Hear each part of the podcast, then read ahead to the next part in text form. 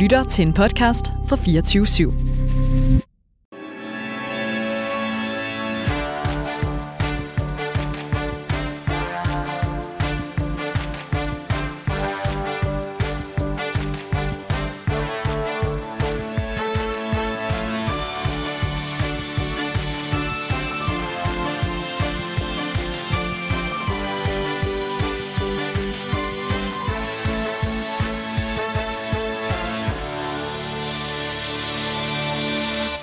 Velkommen til Danmarks mest ærlige debatprogram, Politik på en onsdag. Her inviterer vi hver uge spændende gæster til politisk debat, helt uden spin og fastlåste politiske positioner. Og hvis du har tændt for din radio og håber på at komme til at lytte til nogle neutrale værter, så øh, er det ikke os, du skal lytte til. Ja, for jeg hedder Anders Storgård, og jeg er tidligere landsmand for konservativ ungdom, og så er jeg konservativt kommunalbestyrelsesmedlem på Frederiksberg. Og mit navn, det er Sofie Libert. Jeg stiller op til Folketinget for SF, og så er jeg tidligere landsforkvinde for SF Ungdom. Og den, og den næste time, der kommer vi til at vende ugens største politiske historier, men vi starter altid med os selv. Sofie, hvad har du lagt mærke til ugen, der er gået? Jamen, jeg har jo fulgt spændt med i øh, hele sådan, øh, jamen, Storbritanniens lille generalprøve på øh, det her Rwanda-projekt, som den danske regering også har, om at vi simpelthen skal sende asylansøgere ned til Rwanda, hvor de kan øh, have det fedt, øh, eller i hvert fald få behandlet deres asylsag. Øh, og Storbritannien har, har gjort noget lignende, eller det har de i hvert fald forsøgt på. Øh, 39 asylansøgere skulle være øh, sendt med et fly her øh, i går aftes øh, i, imod Rwanda. Øh, men det er som om, at øh, lige så stille så er de her øh, forskellige asylansøgere øh, faldet fra af forskellige juridiske årsager, primært øh, den europæiske menneskerettighedsdomstol, der vurderer, at af forskellige årsager er det ikke forsvarligt at sende dem afsted. I går aftes øh, kom der en melding på, at kun seks af de her øh, 39 asylansøgere nu så ud til at øh, kunne komme til Rwanda. Så gik der lidt tid, så var det fire, og så gik der lidt yderligere tid, så øh, kom meldingen, at den sidste billet på det her fly altså var, øh, var øh, aflyst, øh, refunderet. Øh, jeg ved ikke, om de har fået den refunderet. Øh, men i hvert fald er resultatet, at som det ser ud lige nu, så kan øh, Storbritannien ikke inden for den europæiske menneskerettighedskonvention få lov til at sende de her 39 flygtninge afsted. Og, øh, og det er da i hvert fald interessant, netop som en lille generalprøve på, hvordan det danske lignende projekt kan komme til at se ud. Cover me surprised. Altså, det er jo præcis det, som øh, alle har sagt i så lang tid. Den der idé om at bare kunne sende folk til Rwanda, bare kunne eksportere mennesker, man synes er et problem, det kan man ikke inden for de regler, som vi har. Og selv hvis man kunne, så rejser det, synes jeg, også en ret sådan, helt åbenlyst problematik, der hedder, hvad er det moralske i at tage nogle mennesker, og så føre dem hen til den helt modsatte ende af kloden. Altså, øh, jeg stod og talte med en, øh, en hongkonger, der var bekymret for, om hun kunne blive sendt hjem til Hongkong, fordi hun havde nogle udfordringer i forhold til hendes øh, status øh, her i Danmark. Øh, og hun var også bare sådan, kan vide, om det her det kan ende med, at jeg kan risikere at ryge til Rwanda. Altså prøv at hvor fucked up det er at komme fra Hongkong, være øh, flygtet eller øh, arbejde i Danmark og ikke kunne vende hjem til Hongkong, og lige pludselig bliver du bare sendt med et fly til Rwanda. Det er jo reelt set den politik, vi snakker om, når vi snakker mm. om de her flygtningelejre i i, i Rwanda. Og så har vi ikke engang diskuteret det problematik i øh, et land, der øh, for nyligt øh, jo har lavet massiv folkemord. Altså bare i den tid, vi har, vi har været nede, har der været borgerkrig, og som har massiv udfordringer, både med, både med demokrati og menneskerettigheder. Øh, jeg ved godt, det er et populært standpunkt øh, i dansk politik i dag at sige, at det er en super fed idé, fordi det er sådan lidt opportunt, og så øh, forestille sig, at man kan løse alle de problemer, vi snakker om, ved bare at sige Rwanda. Men når virkeligheden rammer, og det viser det jo også fra fra England, så er det ikke nogen løsning. Det er et Fata Morgana. Ja, men, og, og jeg er jo enig i alle dine pointer, og har bare en lille pointe at tilføje, at der også er noget altså, ekstra klamt over det der med at eksportere sine problemer til et, et land, der er meget mindre velstående end det danske. Altså tage sine problemer, som måske, altså øh, alene omtale flygtninge som problemer er, er hårdt, men den der med, sådan, vi har noget, vi opfatter som en udfordring. Nu giver vi det til et land, hvor regeringen synes, det er en fed idé, fordi regeringsmagten sikkert har det fint, men Rwanda er jo et problem, hvor selv folk, der bor i Rwanda, har det svært. Selv folk, der er rigtige statsborgere i Rwanda, har det svært. Og så sådan eksportere sine problemer derned og sige, nu skal I lave en lejr, hvor I dealer med det her shit, er bare også en klam tilgang. Men det interessante ved Storbritannien er jo, at, at de har meldt sig ud af EU øh, og snakker nu om og det samme, som, som jeg er sikker på, at nogen vil, vil foreslå øh, senere i dag. Øh, snakker om at melde sig ud af den europæiske menneskerettighedsdomstol. Øh, og altså simpelthen prøver at trække sig fra nogle af de her konventioner, som vi nogle gange hører, at den yderste højrefløj i, i Danmark også gerne vil. Det kan de jo også sagtens gøre, men man skal også bare være klar over, at det Storbritannien er ved, at, ved at ramme ind i nu, det er, at der ikke er nogen tillid overhovedet til aftaler, de ja. har indgået.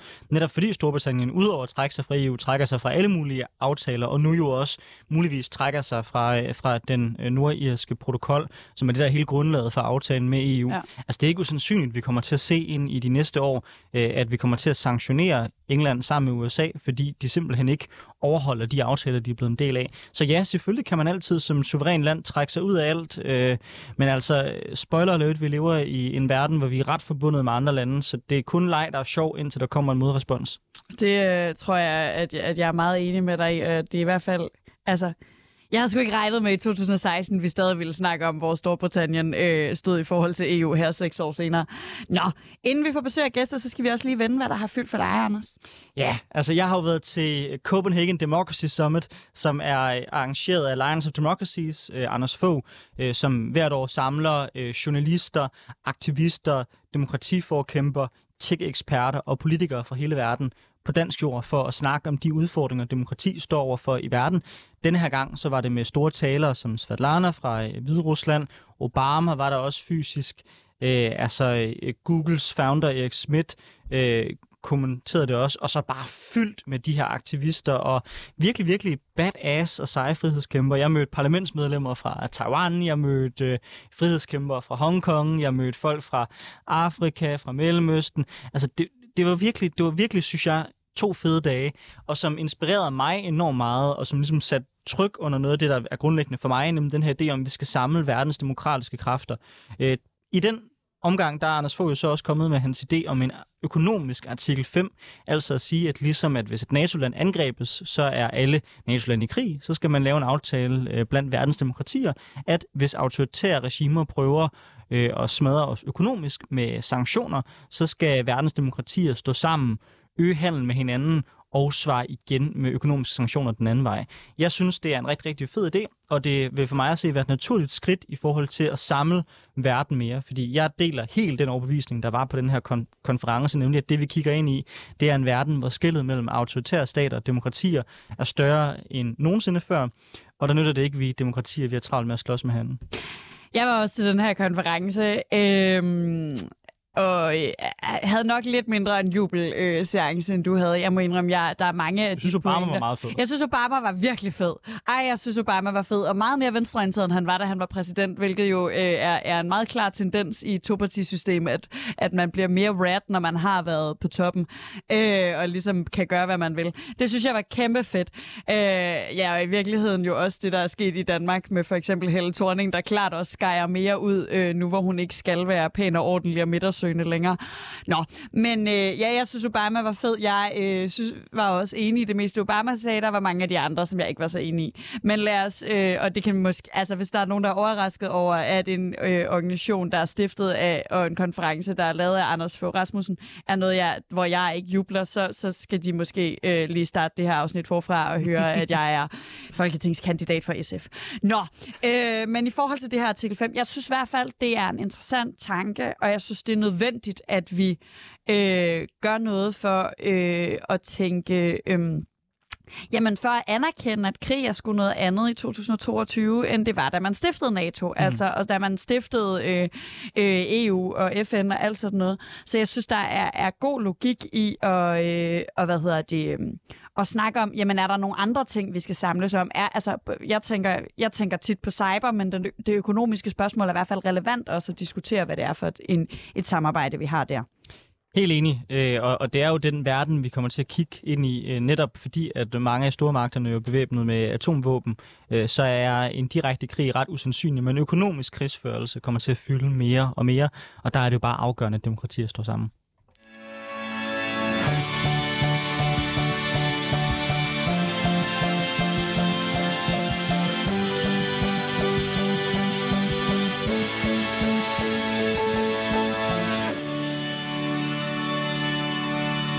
Du lytter til Politik på en onsdag her på 24.7. Vi har så småt fået gæster i studiet, øh, men mens de lige finder sig ordentligt til rette, så minder jeg lige dig om, at du selvfølgelig også kan deltage i debatten, selvom du sidder hjemme i stuen, eller bilen, eller hvor du nu lytter til din DAB-radio. Øh, fordi du kan nemlig kun, det kan jeg også høre den ikke på DAB, men på internettet. Hvis du hører live, så kan du skrive spørgsmål til vores gæster, mens de er her i studiet. Er du mere en podcast-type, så kan vi desværre ikke stille dine spørgsmål til gæsterne, men du er selvfølgelig stadig velkommen til at komme med kommentarer eller forslag til, hvad vi skal diskutere næste gang. Og det er altså, øh, hvad, hvis I henter 24-7-appen og går ind på Politik på en onsdag og finder det søde lille lyserøde chat-ikon der, så kan I skrive til os. Ja, og her i studiet, så har vi fået besøg af den første af vores knivskarpe gæster. Det er dig, Clara Halvorsen. Du er folketingskandidat for Radikale Venstre i øh, Københavns Storkreds. Vi lægger altid ud med at spørge vores gæster, øh, når de sådan åbner deres apps eller avis, eller hvad de bruger, hvad har det så været for nogle nyhedshistorier, der har øh, sådan faldt i øjnene for dem i ugen, der er gået? Så når du kigger ud på den nyhedsflade, der har været, hvad har så øh, virkelig interesseret dig? Jamen, der er, der er to ting. Øh, altså for det første, så var der jo nyheden om, at øh, sommeren kommer til Danmark i dag, og jeg er jo direkte på vej til folkemøde. Så det var lidt rart at kunne kigge ind i øh, solskin og, øh, og ikke regn.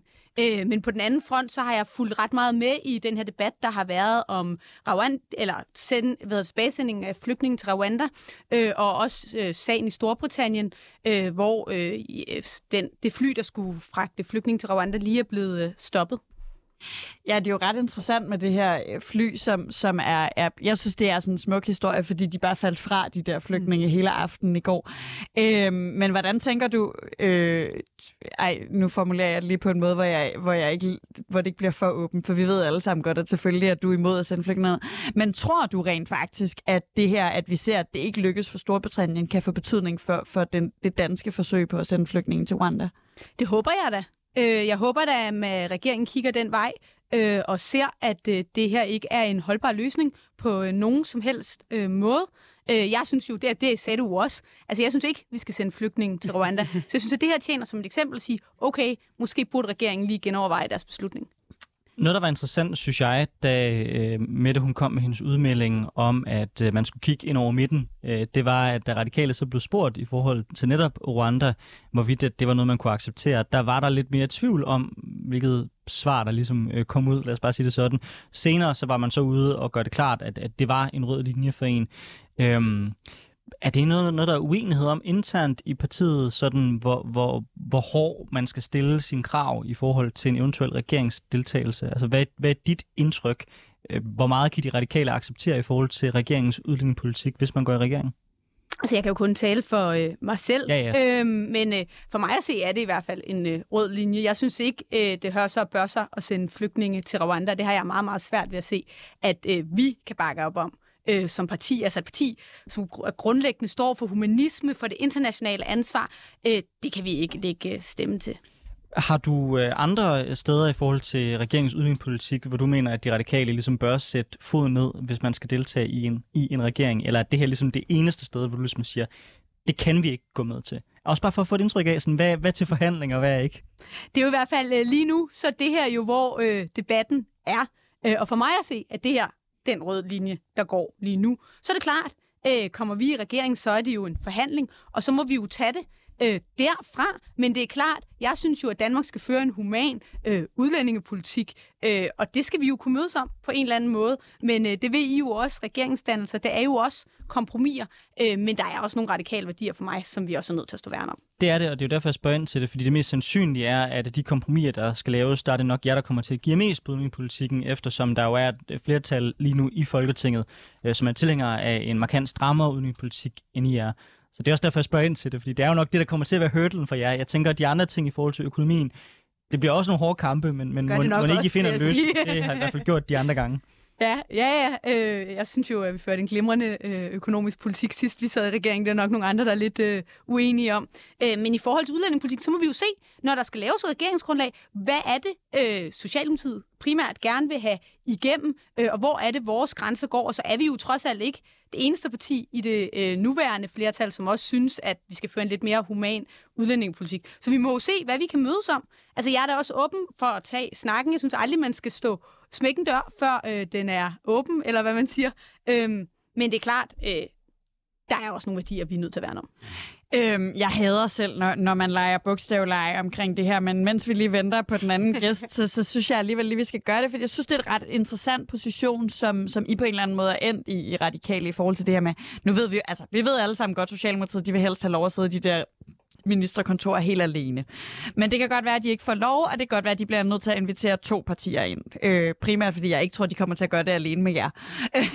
øhm, og der kunne jeg bare godt tænke mig netop, fordi, øh, hvad hedder det, øh, der er de her, øh, hvad skal man sige, altså netop flygtninge, integrationspolitikken, udlændingepolitikken, eller hvad man nu kalder den, er, er noget, hvor I måske typisk helst vil samarbejde med os i SF og Enhedslisten, mens den økonomiske politik vil det måske være rarere for jer at samarbejde med Venstre om, øh, end, end i hvert fald Enhedslisten og SF. Øh, så øh, i, I dit drømmescenarie, er det næste regering så øh, sådan en god, klassisk øh, SRSF-regering, eller skal vi over midten og smide øh, venstrefløjen af? Altså, øh, jeg er heller ikke den største fan af, af bogstavleje. Øhm, jeg synes, øh, det er spændende med en øh, bred regering. Jeg synes også, en regering hen over midten kunne være interessant.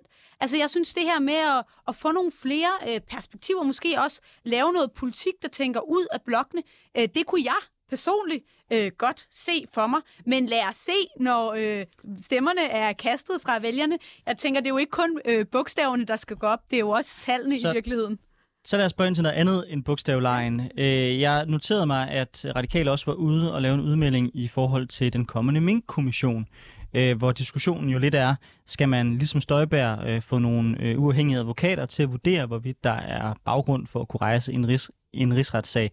Og der har de radikales position jo været en anden, end den var med Støjbær, nemlig at man først vil se rapporten, før man vil forpligte sig på at lade øh, uvildige advokater kigge øh, på den rapport, der kommer ud. Hvorfor mener du, at der er en afgørende forskel mellem de to ting, hvis du altså er enig med dit parti i den her sag?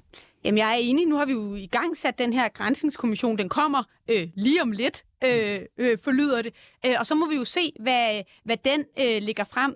Øh, de her beslutninger, der blev taget, blev også taget. Det gik jo vildt stærkt. Vi har måske også lidt glemt, hvordan det var under corona. Ikke? Det, var, det var mange hurtige beslutninger, og derfor har vi nu øh, lavet den her kommission, som skal kigge tingene ordentligt igennem, som er i gang, som har lavet virkelig mange afhøringer. Og så må vi jo have det resultat, Øh, og når vi har det, så må vi jo så tage stilling til, hvad der skal ske. Der er jeg egentlig meget enig øh, med mit parti.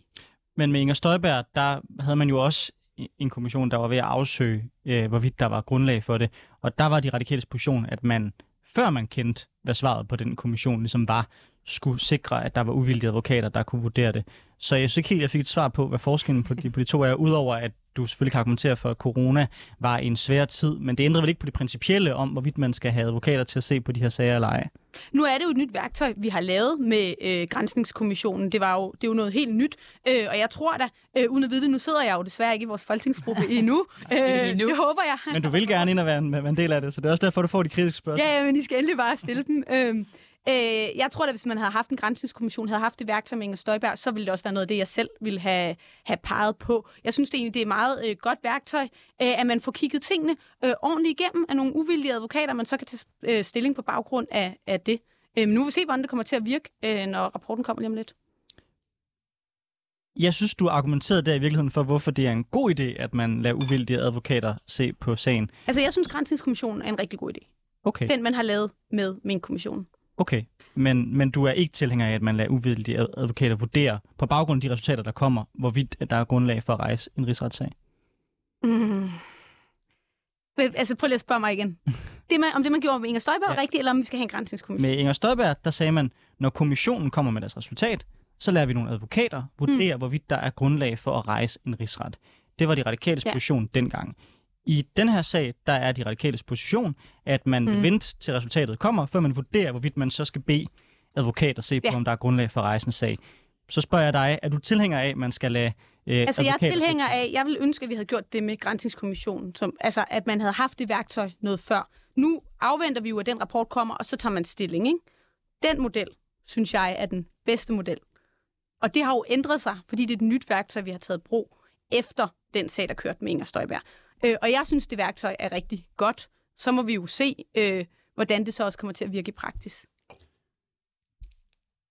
Ja, øh, undskyld, vi har lige øh, lidt, lidt, lidt problemer her med den anden gæst. Det er derfor, øh, øh, det lige øh, går lidt galt for mig her. Men, men Clara, øh, jeg, jeg må indrømme, jeg synes ikke, det her det er så interessant, og det er ikke, fordi jeg ikke synes, det er interessant, hvordan det ender med min kommission, men jeg tror ikke, jeg er så meget i de der hypotetiske, hvad gør vi nu? Jeg glæder mig rigtig meget til, de kommer. Øh, men noget, jeg synes også, det var fedt, Per Larsen, øh, han kørte lige sådan en, hvad nu, hvis regeringen har tænkt i, det kommer oven i Tour de France, så vi ikke kommer til at snakke om det stemning? Jeg tror, jeg, jeg er lidt mere på, øh, nej, hvor bliver det spændende, når det kommer.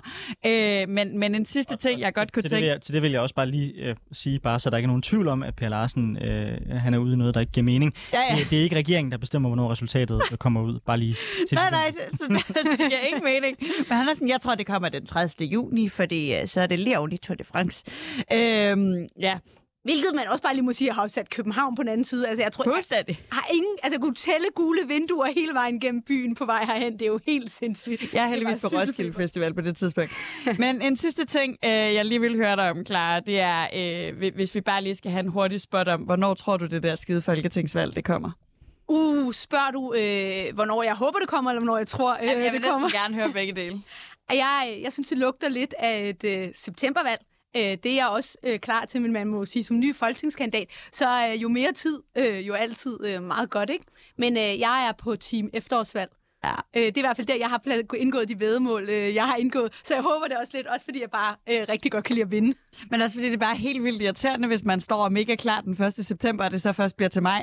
Det kan jeg mærke. Det, altså, jeg synes sådan, så, uh, så Ja, det er lidt det der med sådan en øh, konkurrence, hvornår kan man komme, i, øh, hvornår kan man komme ud af startboksen, ikke? Men Ja. er, det, er, er det ikke altid lidt det, folketingsvalg er? Fordi jo, det- jeg føler altid, at folk hyper det helt op. Sådan, det kommer lige om lidt, og så er det altid bare, spændingen bliver trukket længere og længere og længere og længere og længere. Så når, når der så kommer folketingsvalg, så er folk jo sådan totalt overgivet. Ja, ja. Jeg kan huske, altså den første valgkamp, jeg sådan for alvor førte, da det blev udskrevet, der stormede folk bare ud af gym- gymnasiet, og så kunne man se alle de folk, der var politisk aktive. Vi kunne lige nå at vinke til hinanden, for man sprang på en cykel og bare cyklede alt, man kunne, ja. øh, for at komme ud og deltage.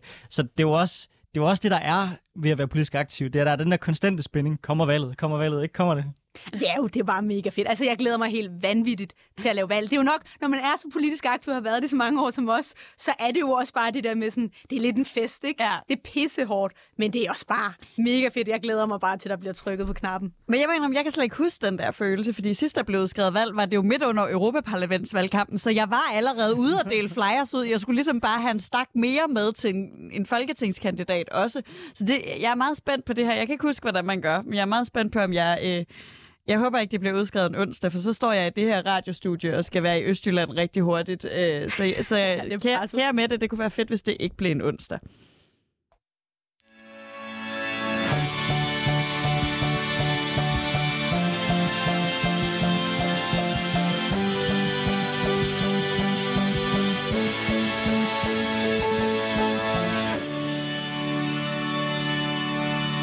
Du lytter til Politik på et onsdag med Anders Storgård og Sofie Lippert. I studiet der har vi Clara Halvorsen, der er folketingskandidat for det radikale venstre i Københavns Storkreds.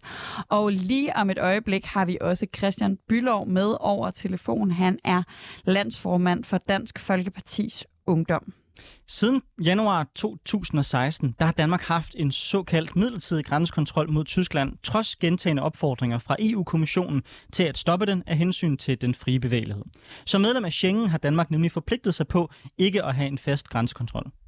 I en dom, der nærmest gik helt ubemærket hen i danske medier, blev den østriske grænsekontrol i april dømt ved EU-domstolen for at være ulovlig. Her påpegede domstolen, at en grænsekontrol ikke er midlertidig, hvis begrundelsen er den samme i en lang årrække. Derfor har EU's ministre nu i denne uge øh, lavet et forlig om, at man kan lave grænsekontrol i to og et halvt år med den samme begrundelse. Men herefter så skal man altså have markant dokumentation for en yderligere forlængelse. Udlændinge- og integrationsminister Kåre Dybvad hylder beslutningen, som han mener gør det meget nemmere for Danmark at lave grænsekontrol.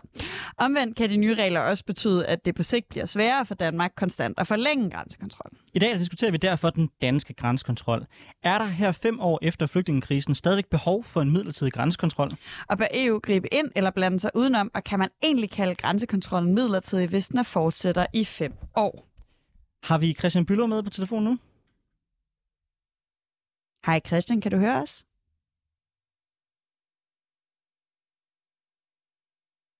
Christian, kan du høre os her? Frederik, hvad er her? Øh, jamen, hej Frederik Vad. Øh, du skulle sandt nok være øh, med i Team 2. Øh, det er vores redaktør, der lige står og vinker helt vildt med armene ude bagved. Øh, øh, men hej Frederik. Øh, vi snakker om grænsekontrol. Hvad tænker du om det?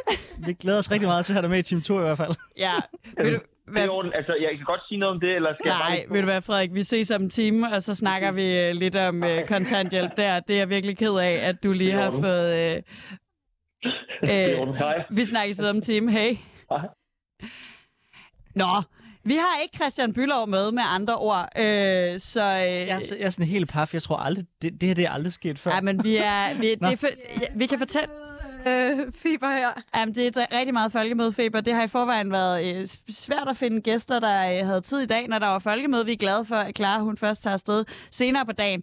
Og øh, så har jeg lyst til bare at spørge dig, Clara, hvad, hvad tænker du om det her med, at, at, øh, at vi nu har... Øh, at EU-domstolen nu øh, jamen, både giver lov til to og et halvt års grænsekontrol, men samtidig også siger, at du kan så heller ikke få lov at køre den på den samme årsag i mere end to og et halvt år. Jamen altså, øh, nu, nu sagde du jo i indledningen, kan man snakke om en øh, midlertidig øh, grænsekontrol, når man bliver ved med at forlænge den? Øh, det synes jeg måske ikke. Altså, vi har jo det er jo lidt de facto blevet en, øh, en grænsekontrol. Jeg synes jo slet ikke, øh, at den her grænsekontrol øh, skal være her i øh, virkeligheden. Øh, jeg synes, at vi skal fjerne kort sagt fjerne bommene ved Crusoe og sætte dem ud øh, ved EU's øh, ydre grænser, og så lad os bruge de penge, vi bruger på grænsekontrol i Danmark, til, at, øh, øh til politiindsatser hjemme. Altså, jeg, jeg kunne ikke være mere enig, og jeg tror, øh, men- men, men noget interessant er jo det her med, at vi har et, et Europa, der, øh, der åbner op for, øh, at vi gør det her. Øh, vi har nogle, et bredt politisk flertal, der går ind for, at vi laver en eller anden form for grænsekontrol. Har du, altså jeg har lyst til at spørge dig, har du nogensinde kunnet se logik? Altså er, er, er det her nogensinde en løsning? Er der en, er der en værdi i for dig at have en grænsekontrol i specielle tilfælde? Fordi en ting er, hvad vi synes om det her med de fem år, og kan man kalde det midlertidigt, når det bare bliver ved. Men, men hvis man spørger en radikal, findes der så tilfælde, hvor grænsekontrol er, er en fornuftig, et fornuftigt redskab? I Danmark? Ja, i Danmark. Altså med, i, i de indre europæiske grænser, for jeg tror, de ydre europæiske grænser er typisk en anden snak, men, men mellem Danmark og Tyskland, Danmark og Sverige primært. Altså i min optik, så nej, det synes jeg ikke. Øh, jeg synes ikke rigtigt, at det giver, øh, giver så meget øh, mening. Jeg synes, den her grænsekontrol, øh, midlertidige grænsekontrol, øh, som jo nærmest er blevet permanent lige nu, det er jo lidt, det er jo virkelig symbolpolitik, og det er jo lidt en pseudoløsning i virkeligheden også. Man har øh, placeret nogle grænsebommer rundt omkring, men du kan jo godt krydse den dansk-tyske grænse øh, andre steder. Øh, jeg synes, det er, altså, jeg er meget den, den del, øh, nok også den del af radikale Venstre, som mener, at, øh, at vi ikke skal have grænsekontrol i Danmark Men klar, mod Tyskland. hvis man kigger ud på Europa, så er der jo stadigvæk øh, flygtningestrøm. Der er jo stadigvæk folk, der bevæger sig op igennem Europa. Man ser stadigvæk, at der er flere steder, øh, hvor EU's ydre kontrol måske ikke fungerer optimalt. Vi ser også potentielt set ind i en ny flygtningekrise i forhold til folk, der kan flygte fra Ukraine. Er det ikke i virkeligheden rimelig sundt, at man har en mekanisme, som det her jo egentlig er tiltænkt som, til ligesom at sige, okay, hvis hele læsset er ved at vælte, så er det fint nok, at vi også lige sørger for at holde øje med, hvor folk er, og hvem der bevæger sig op igennem Europas grænser. Fordi ideen til at starte med var jo netop i Schengen, at vi mm. gør det langs EU's ydergrænser, men hvis det ikke fungerer, Men Det- det synes jeg jo så bare, at vi skal have til at fungere. okay, men, Det, det, det, det er jo, nå, men men anerkender du, det ikke fungerer i dag? det er i hvert fald ikke så stærkt, som det kunne være. Jeg synes ikke, at man kan bruge ordet, det ikke fungerer. Det er en meget, sådan, øh, det er en meget grov betegnelse, men, men jeg kunne godt tænke os, at vi styrkede Frontex, og det synes jeg, at vi passende kunne gøre ved at fjerne den danske grænsekontrol, og så styrke EU's ydre grænser med de øh, midler, vi har der. Men kunne man ikke argumentere for, at man skulle starte det modsatte sted? Altså, at man skal ikke stoppe med den danske grænsekontrol, før man har sikret, at det fungerer langs EU's ydergrænse. Fordi det var jo egentlig den måde, man lavede aftalen til at, til, at starte med. Det var, at man ligesom fjernede grænserne mellem landene, for så at acceptere, at EU så stod for at stå for grænsekontrollen langs de ydergrænser. Så hvis du sådan set anerkender, at der er et problem i forhold til, at EU ikke, som det er lige nu, kan løfte en opgave fu- fuldt ud, er det så ikke EU, der først må vise, at de kan passe på de ydre grænser, før at Danmark fjerner den midlertidige grænsekontrol? Altså, jeg tænker, det er jo derfor, I også havde øh, Christian øh, Bylov med, for det er jeg ret sikker på, at det, det vil han mene. Nej, jeg synes, at jeg synes, vi skal styrke EU's øh, ydre grænse. Jeg synes, den nuværende grænsekontrol er symbolpolitik, fordi den er der jo nogle steder, men den er der ikke alle steder. Du kan sagtens krydse grænsen fra øh, Tyskland til Danmark nogle steder, så er der nogle steder, der er en grænsebom. Øh, jeg synes, det er fjollet. Jeg, synes, jeg tror virkelig, jeg er bare virkelig europæer. øh, fuldt ud. Øh, og jeg tror virkelig på, at, øh, at vi skal lægge vores indsats i Frontex. Jeg tror nu også, Frankrig og Tyskland ser sig selv som europæer, ja, ja. så det er jo ikke nødvendigvis et spørgsmål, der kan gøres op sådan. Er det? Nej, nej. Nej, nej. Men jeg, jeg tror da, at der er nogen, øh, som ikke vil betegne sig øh, lige så meget som europæer, eller bære den titel øh, lige så stolt, som, øh, som jeg gør. Øh, jeg er meget, meget stor øh, tilhænger af, af EU. Jeg bliver sådan lidt nysgerrig på, øh, fordi nu det her med at styrke Frontex. Øh, fordi langt hen ad vejen er jeg jo enig med dig. Jeg mener også, at den, den realistiske måde at føre øh, øh, politik på er at anerkende en eller anden øh, form for grænser. Men jeg må indrømme, at rigtig meget af det arbejde, Frontex laver, det er sådan noget, der giver mig rigtig meget ondt i maven. På en helt anden måde, end de folk, jeg møder, når jeg krydser grænsen, som godt nok kan være pisse irriterende, især hvis man har glemt sit pas. øh, men som ikke desto mindre arbejder på en meget mere vi tjekker dit pas og siger nej-agtig måde, en, en meget Frontex-arbejde, som for eksempel handler om at øh, vende gummibåde med flygtninge i, øh, som øh, uagtet at man kan mene, det principielt er rigtigt for mig at se i hvert fald, er en ekstremt voldsom øh, ting at gøre ved mennesker, der flygter, så er, er, altså, er det virkelig er, er en styrkelse af Frontex virkelig en, en, en god ting set fra dit øh, bord?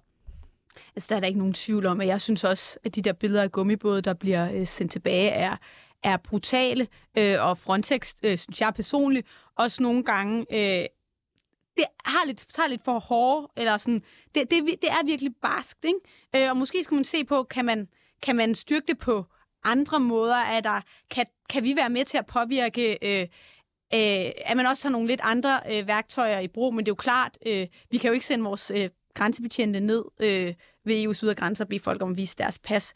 Øh, men jeg synes også, jeg synes også personligt, at, at nogle af de billeder, vi ser øh, med gummibåde, der bliver vendt op, det er meget, meget øh, hårdt, øh, og det gør også ondt i maven på, øh, på mig. Men er det ikke altid sådan, at en grænsekontrol vil være sådan? At i, hvis du har en grænse, så afviser du nogle gange nogle folk for at komme ind, og du gør det også i yderste konsekvens med vold og magt. Det, det er jo der, man har en grænse for. Så det kan godt være, at man har skubbet, skubbet hvad kan man sige, grænsen længere ud, nemlig til EU's grænse, men det er jo de samme dynamikker, som der, som der vil være ved en dansk grænse. Der vil man jo også om nødvendigt, og har gjort det tidligere, men, mens vi havde mm. fast grænsekontrol mellem landene, afvist folk, potentielt set med mænd, der er bevæbnet med skydevåben, ikke? Jo, jo, det, det, det jo ligger jo i en kontrol af en, øh, af en grænse, at man lukker nogen ind, og man ikke lukker nogen andre øh, ind. Men derfor kan man jo godt øh, kigge på, Øh, hvordan gør man det på den bedst mulige måde? Hvordan gør man det på den mest humane måde? Jeg ved godt, det er sådan lidt øh, plader humanistisk at stå og, øh, at stå og sige, men, men kan der ligesom være nogle, øh, nogle, nogle skridt i, øh, hvordan man får afvist folk på en, på en god måde, men jo også med respekt for, at der er nogle folk, som vi, øh, som vi rent faktisk afviser. Jeg, altså jeg, jeg forstår øh, godt sådan det her, øh, men, men jeg, jeg må indrømme, at for mig, som måske lidt mindre europæer end dig, mm. der er det sgu ikke det, der er det vigtige ikke for mig, at, om grænsen går ved den danske grænse eller den, øh, eller, en, eller den ydre grænse. Hvad er det for, øh, hvad, hvorfor er, er øh, altså hvis vi kigger på det principielle i grænsekontrol, hvorfor er det så mere okay, det er det ene sted end det andet?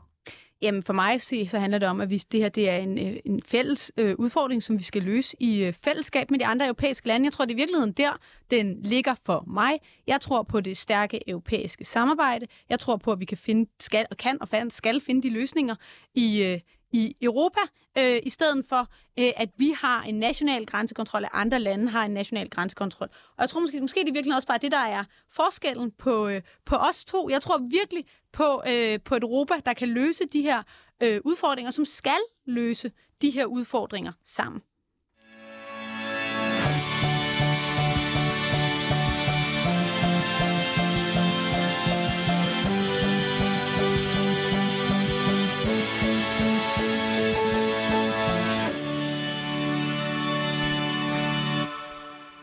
Lytter til Politik på en onsdag med Anders Storgård og Sofie Libert, hvor vi i dag har besøg af uh, Clara Halvorsen, der er folketingskandidat for det radikale venstre i Københavns Storkreds.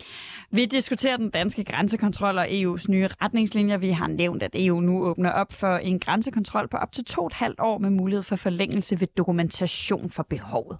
Danmark har som bekendt haft grænsekontrol siden flygtningekrisen i 15-16, men vi er ikke de eneste. Østrig, Frankrig, Tyskland, Estland og Sverige har ligesom Danmark haft en midlertidig grænsekontrol siden krisen.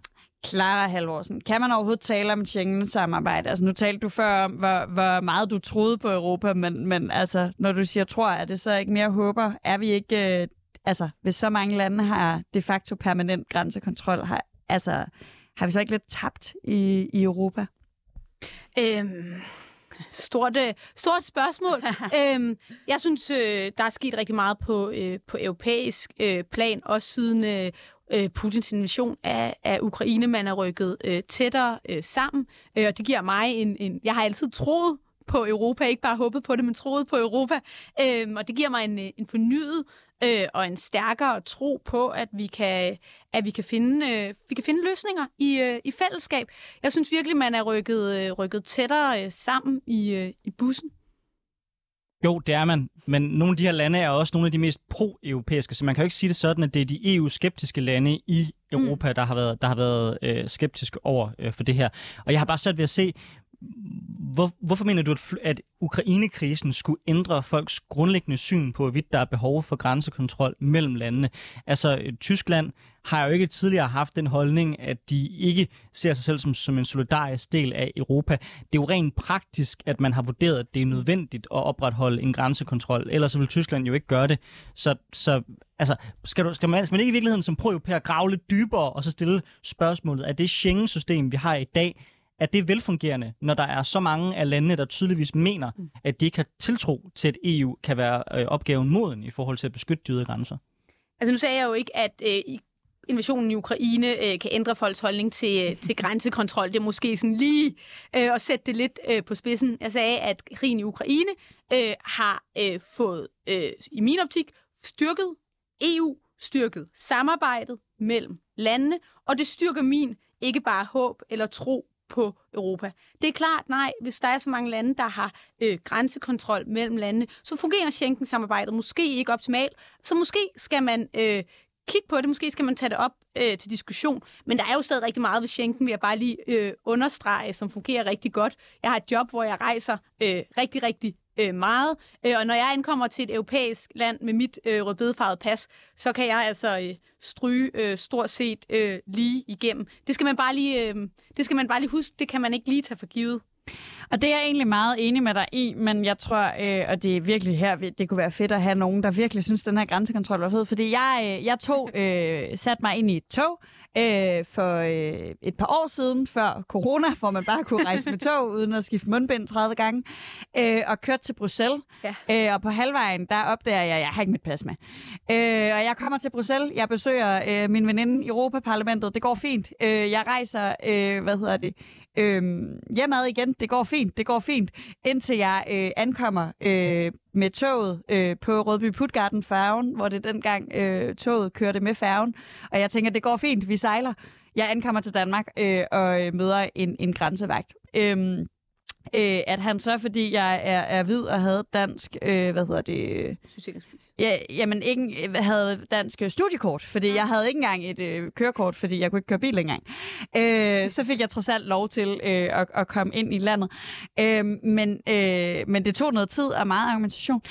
Jeg, altså, hvis, hvis det her er virkeligheden for, for mig, men også er virkeligheden i Østrig og øh, i Frankrig og måske Tyskland og Estland, og så, altså hvis det bliver flere og flere, øh, så er det her Schengen, som i dag måske stadig kan noget, øh, kan, det, altså, kan det holde til det? Om det kan holde til de, alle de her midlertidige... Ja, om det, om det kan holde til, altså fordi jeg havde det fedt i Europa i virkeligheden, men så kom jeg hjem til Danmark, og så var det træls. Men, men det kunne jo have været, hvis jeg havde ramt... Øh, jeg kørte igennem både... Øh, ja, okay, kun Tyskland. Øh, men, men, men altså, kan vi holde til som, som øh, også de her, øh, når EU jo nu giver lov til, de, altså det er jo en EU-beslutning, at vi har lov til de her mm. to og et halvt år. Er det en beslutning, som kommer til at skade EU selv i sidste ende? Altså det er jo klart, at det, det sætter jo nogle begrænsninger på, på Schengen-samarbejdet. Altså jeg synes jo, jeg er jo bare grundlæggende ikke fan af, af den her grænsekontrol. Jeg synes ikke, vi skal have national øh, grænsekontrol. Så nej, det er jo en begrænsning af Schengen-samarbejdet. Det er jo en begrænsning af den øh, fri øh, bevægelighed. Jeg har også, øh, øh, du ved, skulle øh, til Sverige, og så skal man vise sit, øh, sit pas, eller det skulle man måske før corona, under corona, øh, whatever. Øh, og det er klart, det sætter jo en eller anden form for begrænsning på den øh, fri bevægelighed, og dermed også en, en, en, hvad kan man sige, en, en udfordring for Schengen-samarbejdet. Men jeg tror øh, stadig på, at på Schengen-samarbejdet, der er altså også rigtig mange ting, der virker ved det. Det skal vi lige huske. Mm. Men jeg anerkender også, at det her, det nationale grænsekontrol, det svækker den fri bevægelighed i Europa. Det gør det sværere, og så er nu, vi jo så heldige, at når så viser vores rødbedefarvede pas, så kan vi stryge lige igennem. Du har helt ret i, at der er meget, der fungerer i Schengen-samarbejdet, som det er i dag. Men øh, kunne man ikke argumentere for, øh, hvis man sådan stiller sig ikke på øh, det, Christian Bülow måske ville have sagt, men måske på en mere pragmatisk position, at det, at der er mulighed for at kunne lave et midlertidigt grænsekon kontrol, når der er særlige udfordringer, som man så kan argumentere for, der er lige nu, at det er faktisk det, der holder sammen på Schengen-samarbejdet, fordi at det gør, at et land som Danmark ikke behøves forlade Schengen-samarbejdet, men rent faktisk har mulighed for at kunne agere, for eksempel med midlertidig grænsekontrol, hvis man føler, at, at ens øh, grænser er blevet truet. Så kan den midlertidige grænsekontrol måske i virkeligheden være med til at gøre Schengen, den, den overlever, frem for at være brudt sammen? Ja, men altså sådan, det er jo... Jeg kan godt forstå argumentet, øh, tror jeg. Jeg synes, med den her nydom, jeg synes to og et halvt år er rigtig lang tid øh, at kalde noget øh, en midlertidig grænsekontrol. Det er meget lang tid at sige, at vi... Øh, at øh, nu har vi en udfordring. Øh, nu går, har vi så to og et halvt år, hvor vi kan sætte en national grænsekontrol op. Jeg kan godt forstå argumentet om, at det så gør, at, at, at nogle lande måske øh, øh, øh, ja, bliver i Schengen-arbejde. Jeg tror, jeg tror ikke, at der er nogen... Jeg tror, det er et stort skridt, ikke, at nogen vil øh, forlade øh, Schengen-samarbejdet øh, sådan ud af det, ud af det blå. Øhm, så okay, det bliver sådan en rigtig radikal svar, sådan lidt både over, ikke? Øhm, men, men jeg bliver lidt, altså fordi din, din EU-glæde, jeg bliver sådan lidt, men det er også fordi, jeg, jeg, jeg har så svært ved at relatere til den der sådan meget, øh, jeg elsker EU, fordi jeg elsker også ideen om et samlet Europa, øh, men men, men jeg elsker jo heller ikke Folketinget, når de tager dårlige beslutninger. Øh, men jeg elsker også ideen om, om, om et demokrati øh, og et folkestyre i Danmark. Øh, og det lyder jo til, at den her beslutning, der er taget af EU, øh, er du uenig i, at man skal kunne have to og et halvt års øh, grænsekontrol. Jeg synes, det er lang tid. Ja. Øh, det, det er ikke EU, der har taget det. Det er øh, ministerne, altså ja. nationale ministre ja. i EU. Ja, fordi øh, EU består af mange forskellige, og der er et Europaparlament, og der er et ministerråd, og der er en kommission. Øh, og på den måde så øh, er alting EU og ingenting EU på én gang. Øhm, men men kan, kan det europæiske samarbejde en dag nå derhen, hvor man er blevet enige om, jamen hvad ved jeg, altså hvor, hvor, øh, hvor, hvor det, det, man er blevet enige om, det er, at, at man ikke, øh, at man vil have grænser til hinanden, og måske vil, altså, ved netop, at man er blevet enige om, at jamen, okay, jo, du kan rejse frit, hvis du har et rødbedefarvet pas, men vi vil tjekke dit pas ved alle grænser. Sådan nogle ting. Altså, kan det europæiske samarbejde bevæge sig et sted hen, hvor du ikke længere synes, at, at det er løsningen på vores problemer? Ja, nej, det tror jeg ikke. Jeg tror, jeg synes, det er sådan, det, er sådan, det der scenarie har jeg svært ved at, ved at se øh, frem for mig. Altså sådan, den fri bevægelighed, Schengen-samarbejdet, synes jeg er en meget stærk del af, af EU. Hvis vi øh, har, alle sammen lukker vores nationalstatsgrænser, så er det klart, så det det jo være en svækkelse af øh, EU. Nu, tænk, nu snakker vi bare om EU som sådan den store, det store EU, ikke? Øhm, og det håb, der håber jeg ikke, vi kommer hen. Der tror jeg heller ikke, at vi kommer hen.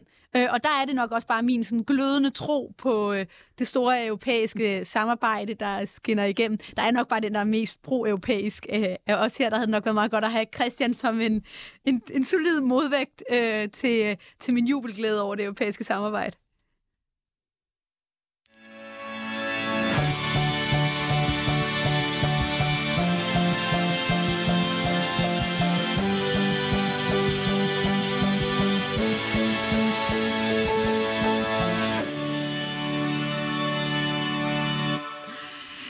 Du lytter til Politik på en onsdag med Anders Storgård og Sofie Lippert. Vi har i dag Clara Halvorsen i studiet. Hun er folketingskandidat for det radikale venstre i Københavns Storkreds. Vi havde håbet på også at have en gæst mere med, og jeg tror efterhånden, vi er dykket øh, godt ned i Claras holdning til grænsekontrol i internt i Europa. Ja, så jeg synes, vi skal bruge de sidste 10 minutter på egentlig bare sådan at spørge lidt ind til øh, dig og din kampagne, nu hvor du øh, har været så flink at møde op i dag, modsat vores anden gæst. Øh, Clara, hvad er sådan dine hovedmærkesager frem til folketingsvalget? Hvad er de største udfordringer, som Danmark står overfor i din optik? Jamen, jeg er jo øh, opstillet her i øh, København, øh, og er meget glad for det. Jeg er også udover stolt europæer, også meget stolt københavner.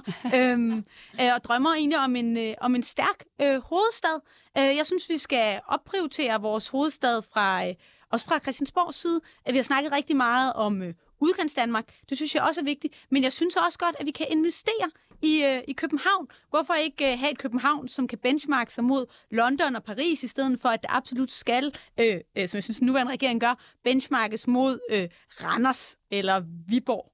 Altså sådan, lad os få, lad os få styrket investeringen i, i, i hovedstaden. Lad os gøre vores hovedstad til sådan en, en, en grøn, øh, stærk øh, storby.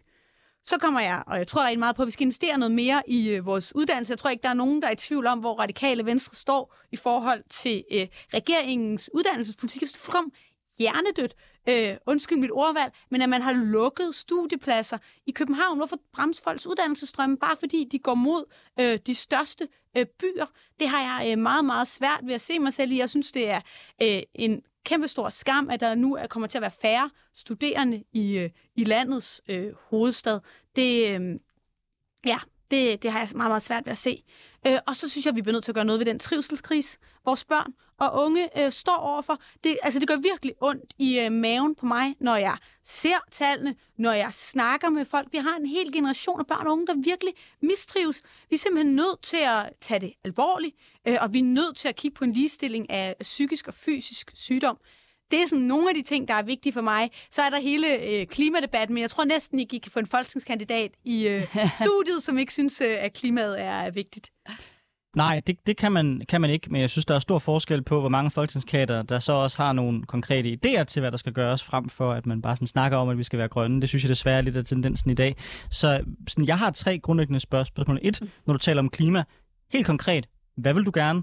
To, når du taler om investeringer, helt konkret, hvor du mener, der mangler investeringer i, i hovedstaden, og når du taler om, at du får ondt i maven af psykisk mistrivsel, helt konkret, hvad skal gøres? Jamen lad os starte øh, med det sidste. Jeg synes, vi skal lige stille psykisk og øh, fysisk øh, sygdom. Det kan jo ikke være rigtigt, at der er så lang ventetid på en psykolog i hovedstaden. Altså, det, det ja, så er du markeret, så skal du markere først.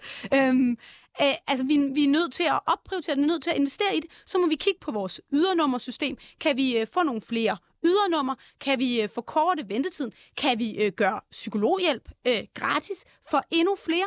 Jeg synes simpelthen, at jeg bliver sådan helt øh, øh, indineret, men det kan jo ikke være rigtigt, at vi har så mange børn og unge, der mistrives.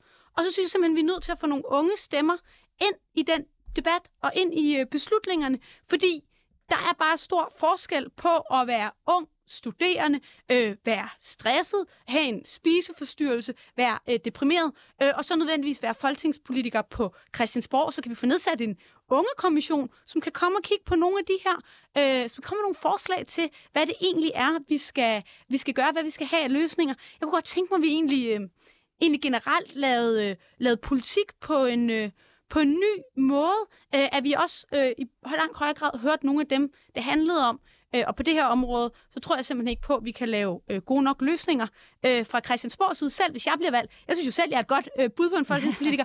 Men så er der også brug for nogle af dem, vi snakker om. Vi bliver nødt til at få de unges løsninger på de her problemer, og særligt øh, på trivselskrisen, som jeg synes er absolut presserende øh, lige øh, nu. Så kunne jeg godt tænke mig, at vi investerede i, øh, i mere øh, transport i, øh, i hovedstaden, endnu bedre øh, transport øh, løsninger blandt byen endnu bedre sammen. Og så hænger det for mig også rigtig meget sammen med, øh, øh, hvad kan man sige, studiepladserne. Det her med at sige, at København skal være en attraktiv øh, studieby. Det skal være et sted, hvor når man sidder i London, så tænker man, fuck, hvor fedt. Ej, jeg, sorry, jeg bander rigtig meget. Man må, man må gerne der vil, jeg, øh, der vil jeg vildt gerne øh, studere. Her er en by, der hænger sammen. Det handler om billige øh, boliger du kan få et sted at bo, du kan komme rundt, øh, og der er studiepladser, der åbner øh, og ikke øh, lukker, øh, som regeringen siger. Ikke fordi jeg ikke tror, det er mega fedt at studere i Randers, det kan det også være, men det er også bare mega fedt at studere i landets hovedstad. Øhm, og i forhold til, til klimaet, øh, jeg tror rigtig meget på, at vi skal sat øh, turbo på øh, elektrificeringen. Jeg tror rigtig meget på en CO2-afgift, øh, som nogle af værktøjerne. Og, og så synes jeg, vi skal hvor, kigge hvor, på... Hvor høj skal den være? Åh, oh, det er et, øh, det er et svært, øh, det er et svært dilemma. Men Den det, skal... det er det eneste spørgsmål, der er afgørende, altså når man tæller CO2-gifter, fordi det, alle partierne er jo enige om, at den skal være der. Det er udelukkende spørgsmål om, hvor høj den skal være. Så hvor høj skal den være? Åh, oh, ja, ja, det er, det er, ja, det har jeg faktisk lidt svært ved at øh, øh, ved svare på på øh, stående fod. Jeg vil gerne, øh, men jeg synes, det skal være høj nok til, at øh, øh, det rent faktisk rykker noget for klimaet, men vi er også nødt til, øh, apropos at tænke løsninger ind, øh, stadig at gøre det attraktivt at drive virksomhed i, øh, i Danmark. Der er nok en lille smule øh, liberal, øh, men det her med at sige sådan, vi er også nødt til at sikre, at det ikke betyder, at, øh, at virksomhederne så flytter deres produktion ud af Danmark øh, og øger, øh, øger forureningen et, øh, et, øh, et andet sted. Og så var en sidste ting i forhold til klima, så synes jeg, vi er nødt til at kigge på vores øh, offentlige transport. Det hænger bedre sammen med bedre offentlig transport. Det handler også om at gøre det mere attraktivt, mere billigt at øh, tage øh, offentlig øh, transport. Lige nu koster det 17 kroner eller sådan noget, og for mig at tage fra øh, Københavns Hovedbanegård og til Gammel Strand med øh, metroen, det er jo ikke just øh, en attraktiv øh, måde at komme frem med. Jeg, jeg kunne også tage min cykel, det gør jeg også øh, for det meste. Hvis man kører, hvis jeg kører hjem til mine forældre for eksempel i Roskilde, så er det øh, relativt dyrt, og da jeg studerede, var det, var det mange penge. Vil du afsætte statslige midler til at sænke prisen på offentlig transport så? Mm. Altså man, subsidierer, man subsidierer det over skatten? Det er jeg nok ikke helt enig med, øh, med mit parti nødvendigvis, men jeg synes, at det kunne være en, i hvert fald være en øh, løsning, man godt kunne kigge øh, ind i. Jeg synes i hvert fald, at vi er nødt til at kigge på priserne på vores offentlige transport. For det kan jo ikke være rigtigt, at det er billigere at flyve til øh, Paris, end at tage hjem og besøge, nu bor mine forældre ikke i Jylland, men det er der mange andres forældre, der gør, end at tage hjem og besøge sine forældre i Aalborg. En sidste ting her, Clara, inden klokken den bliver 11, øh, som jeg er lidt nysgerrig på, mest fordi alle folk spørger mig om det, og hver gang så går det op for mig, I have no idea. Øh, så nu spørger jeg dig i stedet, øh, hvilket jo altid er et godt trick. Øh, så kan det være, at jeg kan stjæle dit svar. I 2019, der øh, havde vi det, som mange omtalte som et klimavalg. Øh, det var klimademonstrationerne, der fyldte. Det var det, der langt hen ad vejen blev afgørende for, hvor folk satte deres kryds. Hvad tror du bliver det næste valgs helt store tema? Jeg tror ikke, at vi kommer udenom, at klimaet stadig kommer til at fylde en uh, del. Hvad bliver det næste valg store tema? Uh, det er sådan noget her, ikke? Så bliver man hængt op på det, uh, lige så snart uh, valget bliver uh, uh, udskrevet. Det skal, vi, det skal vi nok love at lade være med. Ja, yeah, eller så, uh, det, jeg har ikke uh, noget mod at tage fejl en, uh, en gang imellem. Uh, jeg synes, uh, hele det her sådan, rettighedsspørgsmål uh, fylder uh, mere og mere. Den debat, uh, tror jeg, uh, kommer til at, uh, at fylde øh, så tror jeg også, at økonomi kommer til at fylde. Jeg tror ikke, det er sådan noget, at folk kommer til at gå på, på gaden på, øh, på samme måde, men jeg tror, det bliver et tema i det kommende valg med invasionen i Ukraine, med øh, stigende øh, priser. Øh, øh, det kommer til at fylde øh, for mange vælgere, fordi sådan er det jo også bare, når man helt konkret kan se, at ens benzin og ens mælk og ens mel bliver øh, dyrere, øh, så styrer det nok også, hvor man vil øh, øh, pege sit kryds øh, hen. Men jeg tror, sådan øh, rettighedsspørgsmål, jeg tror klimaspørgsmål, jeg tror det økonomiske øh, kommer til at, øh, at fylde. Og så kan det være, at der opstår noget øh, helt andet.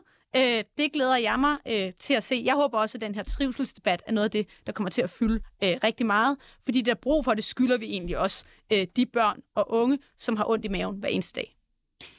Tusind tak, Clara Halvorsen, fordi du øh, fik lov at stå her en hel time alene og blive grillet af os. Det sætter vi rigtig stor øh, pris på.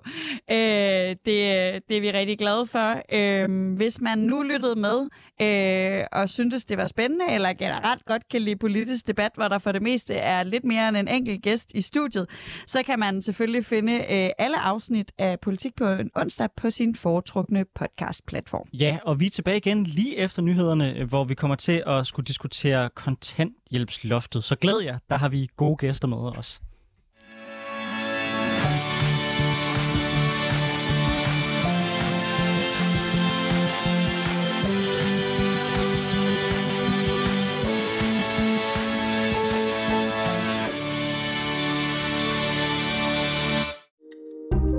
Kære lytter, du har lyttet til et program fra 24 /7. Du kan finde meget mere modig, nysgerrig og magtkritisk taleradio på 24 7 appen Hent den i App Store og Google Play.